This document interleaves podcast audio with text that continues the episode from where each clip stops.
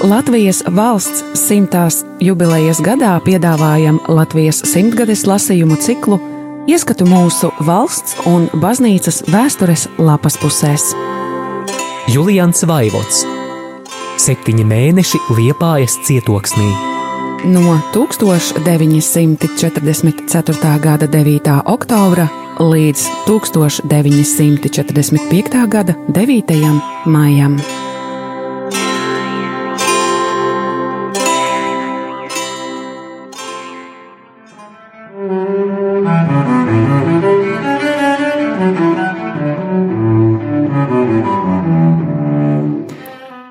1944. gada 26. oktobrī.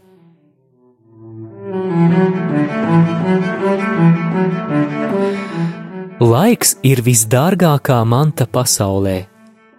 Vispirms jau tāpēc, ka viņu ne par kādu naudu nevar nopirkt. Katra minūte, kura aiztecējusi mūžībā, ir zaudēta uz visiem laikiem par visas pasaules bagātībām nenopirksi arī vienu stundu savas dzīves pagarināšanai. Laiks dziedē visas rētas kā miesā, tā mantās. Tas dziedē arī gara rētas. Kā būtu, ja mūsu ciešanas nekad neaizmirstos? Ar laiku aizmirstas arī bailes. Nevelti kāds rakstnieks ir teicis: Tempus tantum valet quantum deus laiks tikpat dārgs, cik dievs, jo laiku pareizi izmantojot, iegūstam pašu dievu. Šis labais laiks bija ārstējis arī manu palīgu bailes, un pretēji savam solījumam šodien abi kopā ar vēl diviem mācītājiem tomēr izbrauca uz Vāciju. Lai Dievs viņiem palīdz ceļā un bēgļu gaitās, kā arī saved mūs vēlreiz kopā mana dzīve ar šo dienu paliek vēl smagāka. Vispirms jau viss darbs gulstas tikai uz mani vienu, bet vēl smagāka ir vientulības sajūta. Neviļus uzbāžas jautājums, vai nu visi, kas labprāt atstāja dzimteni un dodas svešumā, ir muļķi, vai es pats esmu tāds muļķis, kurš nespēja bēgšanas nepieciešamību saprast? Pats sevi tomēr cenšos pārliecināt, ka šī gadījumā neviena no abām alternatīvām nav piemērojama. Kam nav tāda pienākuma, kurš cilvēka sirdsapziņu pie sevis saista, tie var braukt. Bet kam jāpaliek savā vietā, kamēr pēdējais cilvēks izbrauks, kā tas ir ar mani, tam neskatoties uz visām briesmām, tomēr jāpaliek lai gan teica, ka, ja cūka galvu nokodīs, arī pats ķēniņš nepieliks. Bet vēl pareizāk ir citi vārdi, un proti, ja Dievs neļaus, pats vēlns nekā nepadarīs. Labāk riskēt ar dzīvību citu cilvēku labā, nekā uzņemties gandrīz tādu pašu risku, glābjot savu personīgo dzīvību.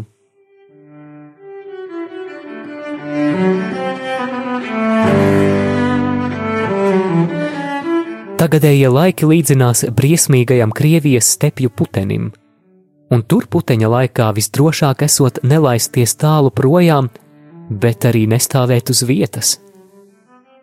Darbs ir kustība, un strādājot nevar sasalt, bet ceļu, paliekot uz vietas, arī nevar pazaudēt.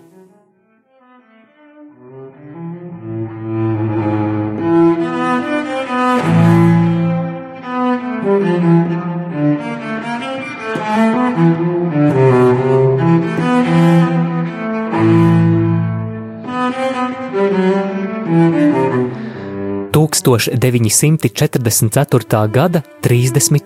oktobrī.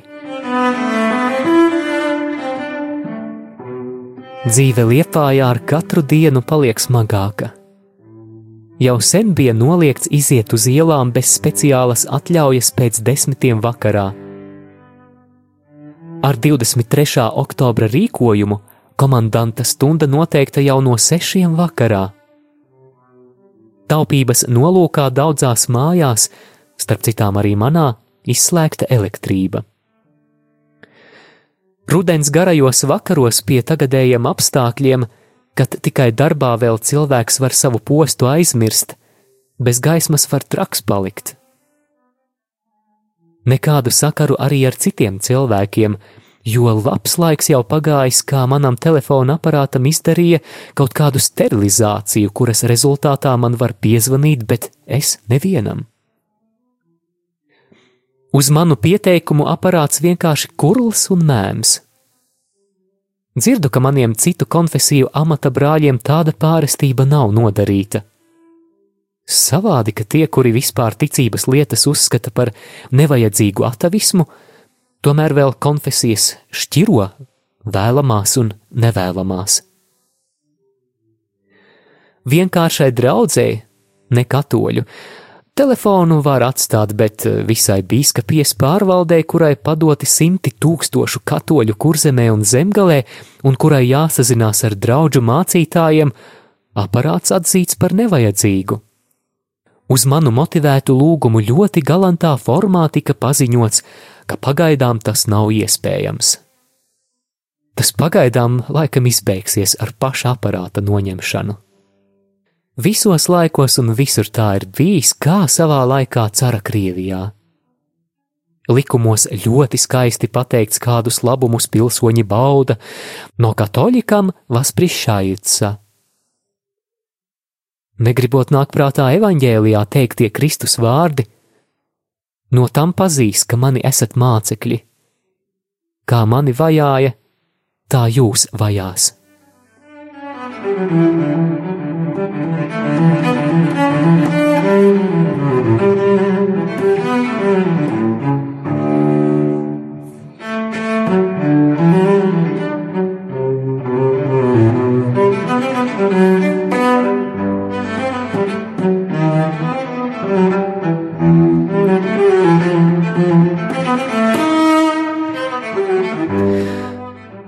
dienu laikrakstos lasām, kādi mežoņi ir kanāla un okeāna otrā pusē, jo met savas nāvējošās un visu postošās bumbas ne tikai uz dzīvojamiem namiem, bet pat uz baznīcām un katedrālēm. Tagad man vislielākās bailes arī par mūsu skaisto katedrāli. Jo pirms dažām dienām turnī tika ievilkts telefona aparāts un uz balkona uzbūvētas sargiem būdas arī atslēgu no vienām katedrāles durvīm vajadzēja atdot. Un tagad katras trauksmes laikā latviešu un vācu policija kāpj tornī bombardēšanas seku novērošanai, un pa telefonu ziņo tālāk. Draudzes locekļi uztraukušies, ka tornī esot ievilkti ložmetēji, un ar savām nelāga aizdomām izplata aplamas baumas, kuras var izsaukt visbēdīgākās sekas baznīcai. Visādi cenšos izskaidrot patiesību, bet tādās lietās vienam pret tūkstošiem grūti ko panākt.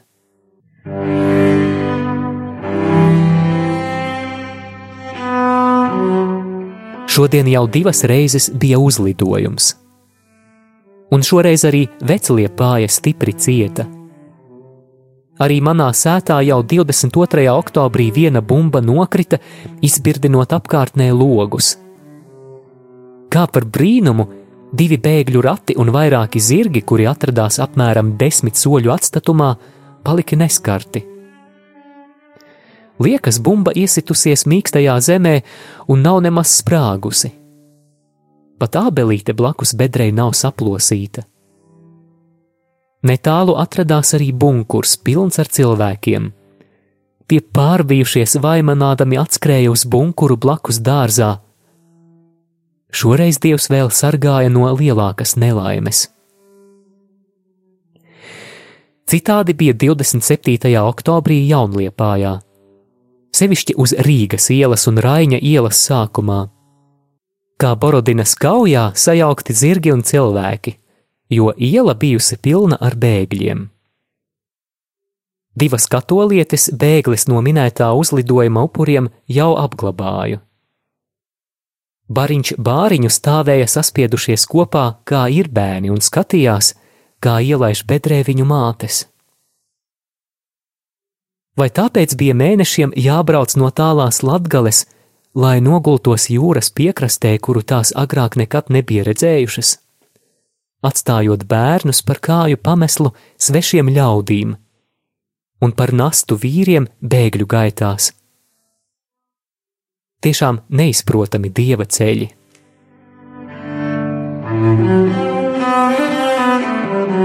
Tūkstoš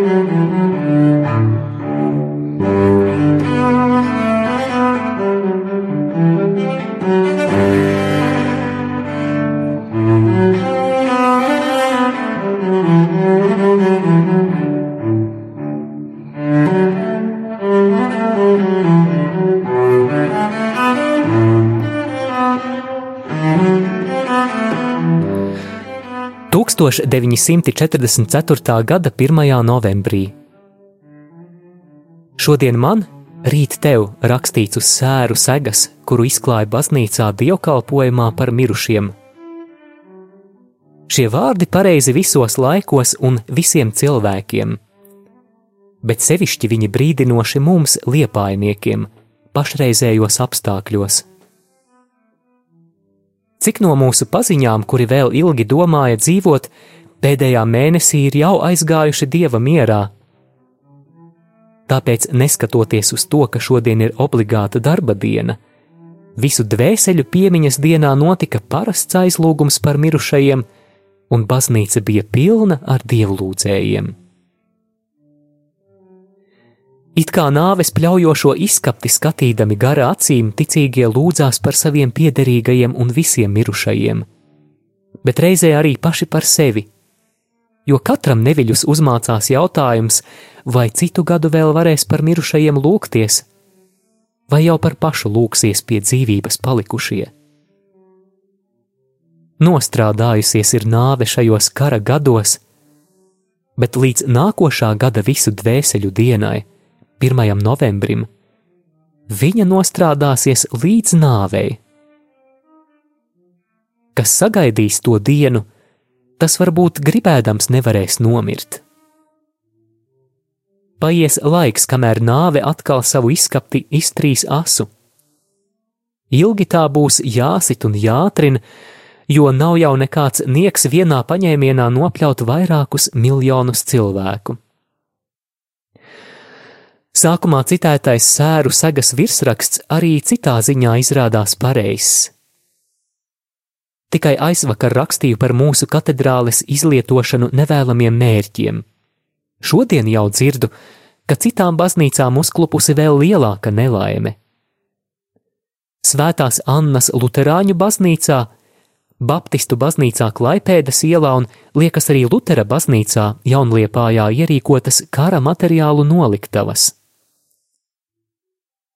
Annas baznīcā novietoti karavīru apģērbi, un kā mācītājs izteicās, žīdietis sēdēdamas altārī tos šujot un lāpot. Arī pats personīgi redzēju, kā žīdi savos raibajos tērpos rīkojas pa baptistu baznīcu. Nezinu, ko viņi tagad sajūt, redzēdami turpat blakus savas nojauktās sinagogas drupas. Jādomā, ka viņi pie sevis teica: vakar mums, šodien jums.